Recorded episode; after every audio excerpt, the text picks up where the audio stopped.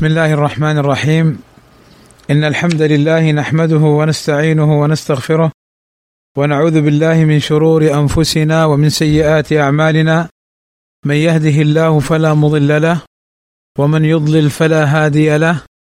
وأشهد أن لا إله إلا الله وحده لا شريك له وأشهد أن محمدا عبده ورسوله.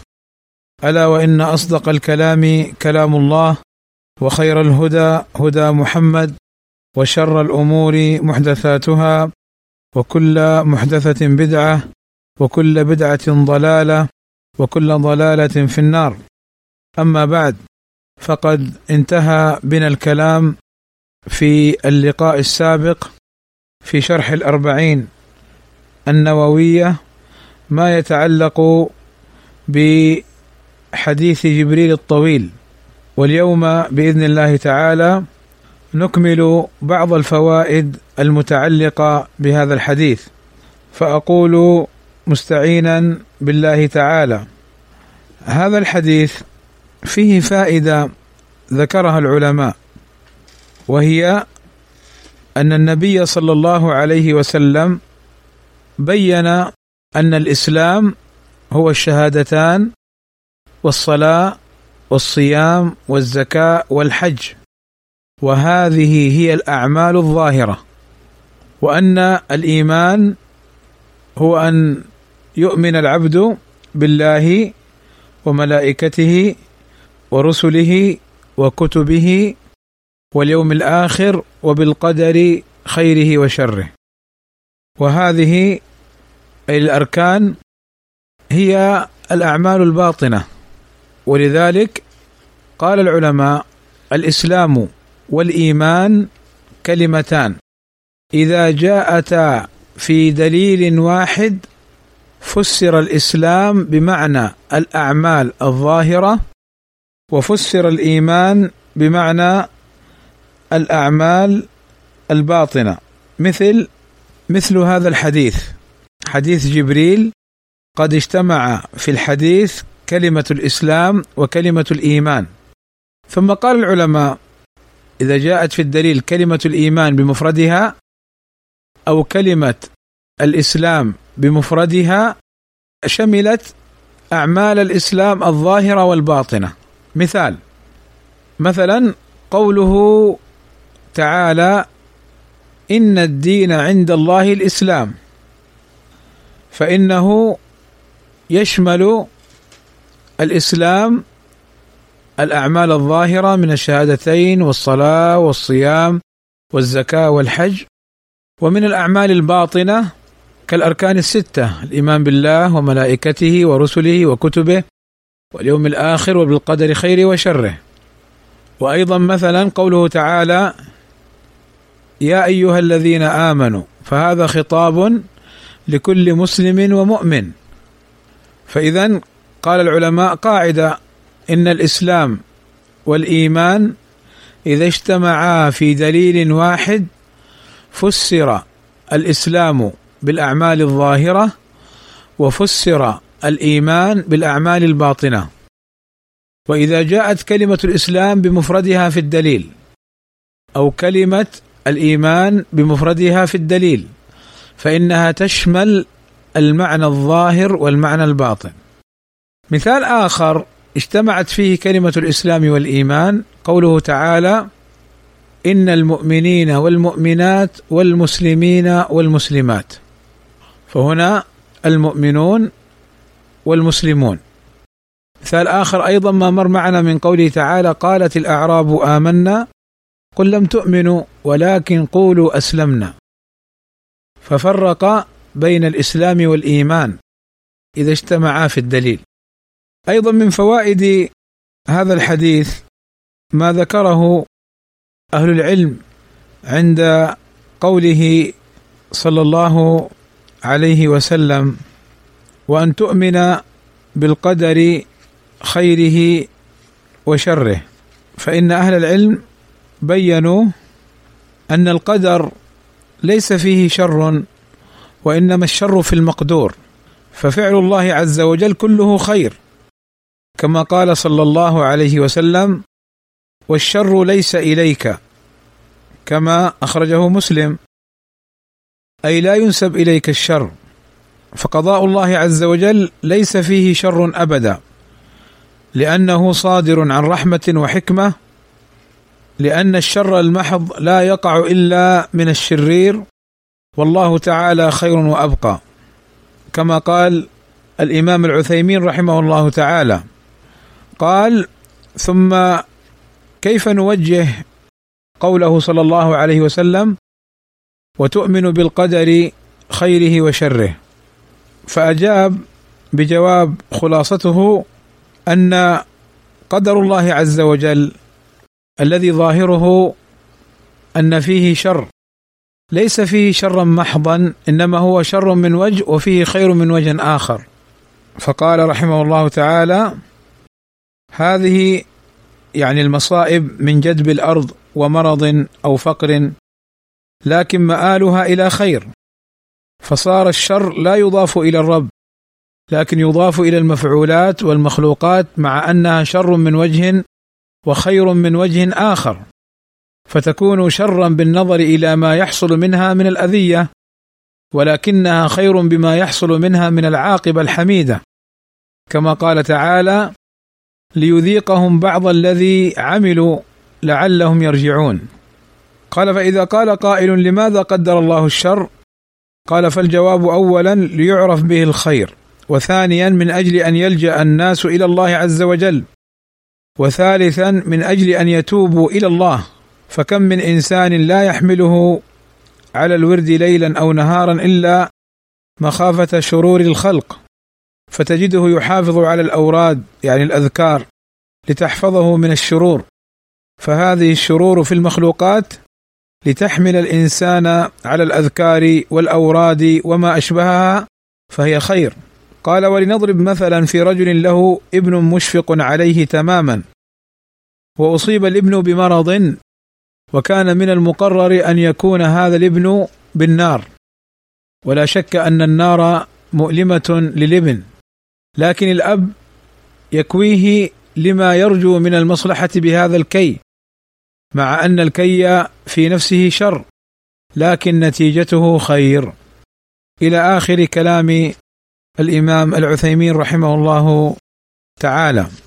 أيضا من فوائد هذا الحديث عند أهل العلم بيان اختلاف أحوال الناس. فمنهم المسلم ومنهم المؤمن ومنهم المحسن. وكل يعمل من الأعمال ما تنزله لدرجته.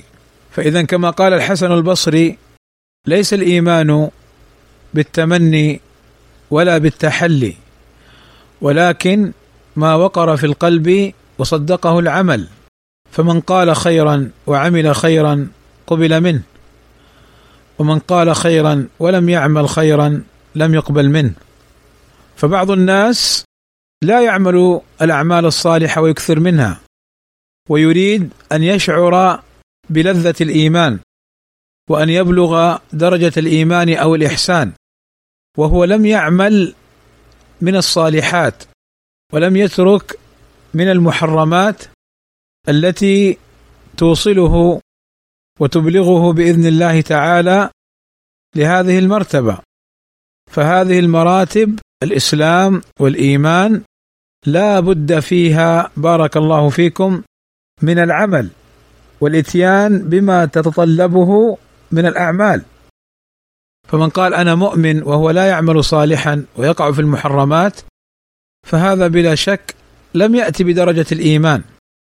لأن الإيمان عند أهل السنة والجماعة السلف الصالح.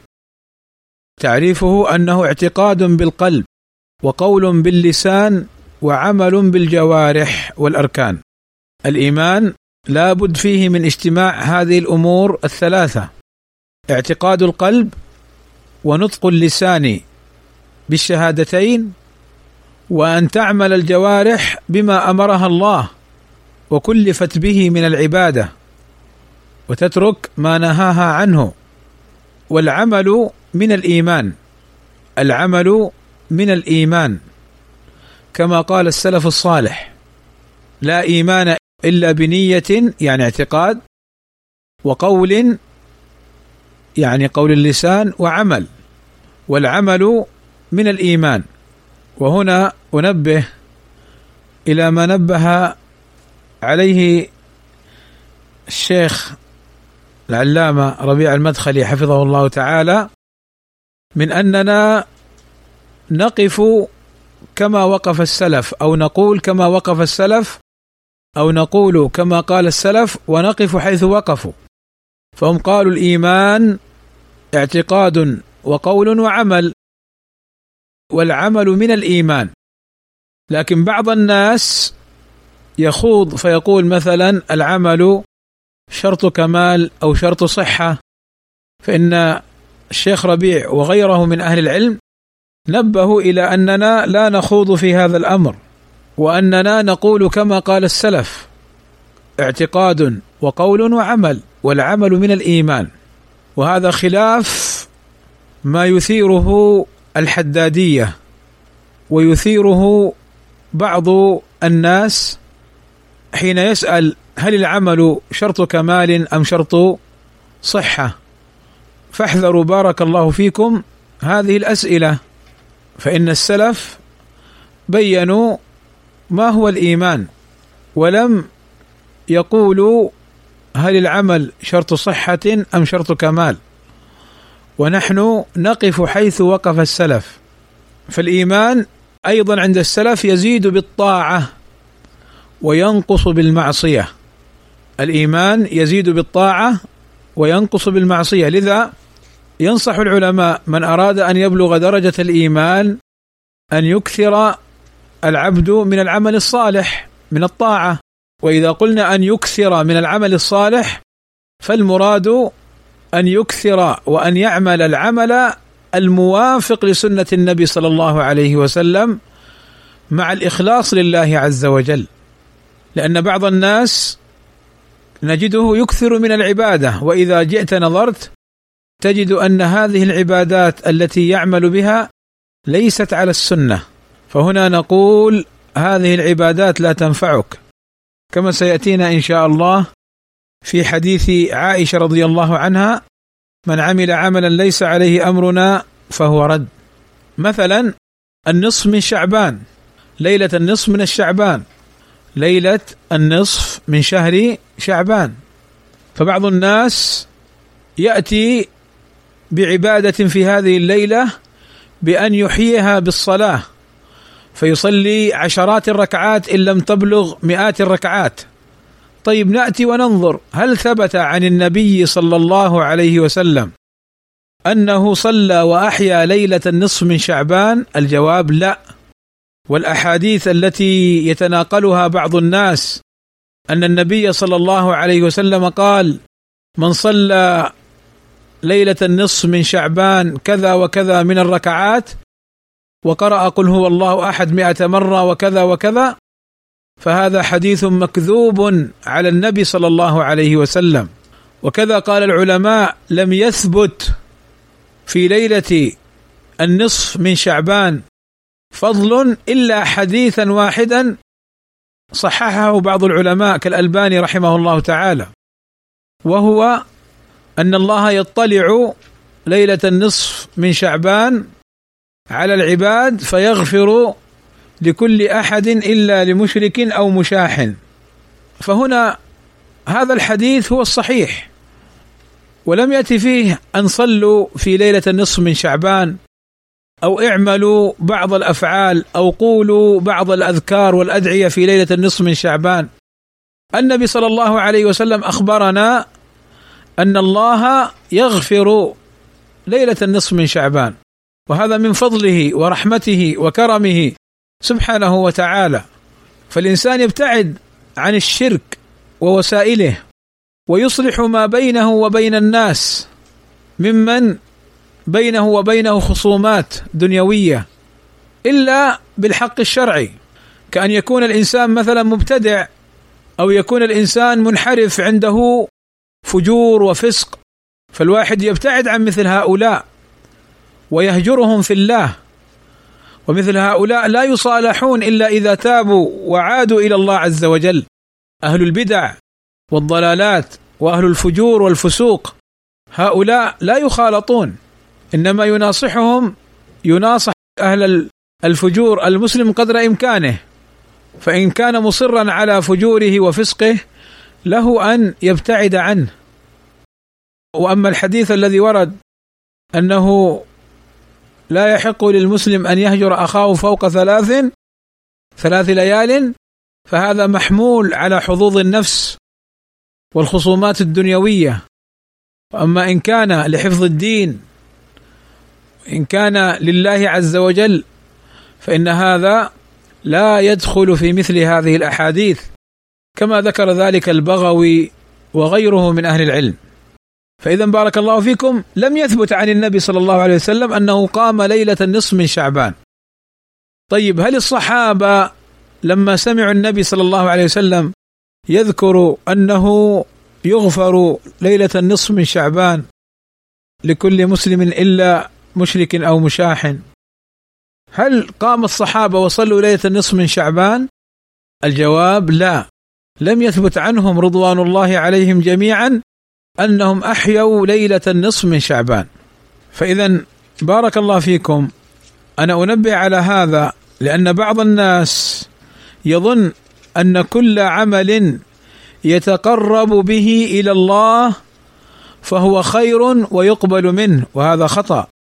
والجواب أن الله لا يقبل من العمل إلا ما توفر فيه شرطان.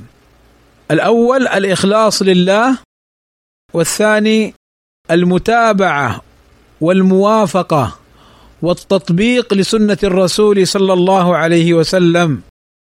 فأي عمل لم يات به النبي صلى الله عليه وسلم ولم يكن عليه أصحابه الكرام فإنه كما بين السلف الصالح فهو مردود غير مقبول.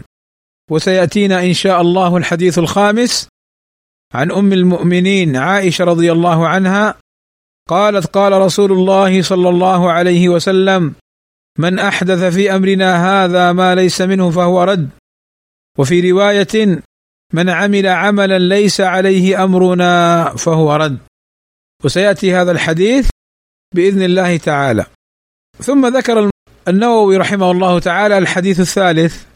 الحديث الثالث قال عن أبي عبد الرحمن عبد الله بن عمر بن الخطاب رضي الله عنهما قال سمعت النبي صلى الله عليه وسلم يقول بني الإسلام على خمس شهادة أن لا إله إلا الله وأن محمدا رسول الله وايقام الصلاة وإيتاء الزكاة وحج البيت وصوم رمضان. رواه البخاري ومسلم. فهذا دليل على أن الإسلام له خمسة أركان. فبني الإسلام على خمس دل على أن أركان الإسلام خمسة وهي المذكورة في هذا الحديث. الشهادتان وإقام الصلاة وصوم رمضان وإيتاء الزكاة وحج البيت. فهذه هي أركان الإسلام الخمسة وهذا من رحمة الله عز وجل أن نوع في العبادات وجعل عليها من الأجر والثواب الكبير. وهذا الحديث ما يتعلق به قد مر معنا في شرح حديث جبريل الطويل. لما سأله عن الإسلام فقال له الإسلام أن تشهد أن لا إله إلا الله وأن محمدا رسول الله وتقيم الصلاة وتؤتي الزكاة وتصوم رمضان وتحج البيت إن استطعت إليه سبيلا. وفي هذا القدر كفاية وصلى الله وسلم على نبينا محمد وعلى آله وصحبه أجمعين.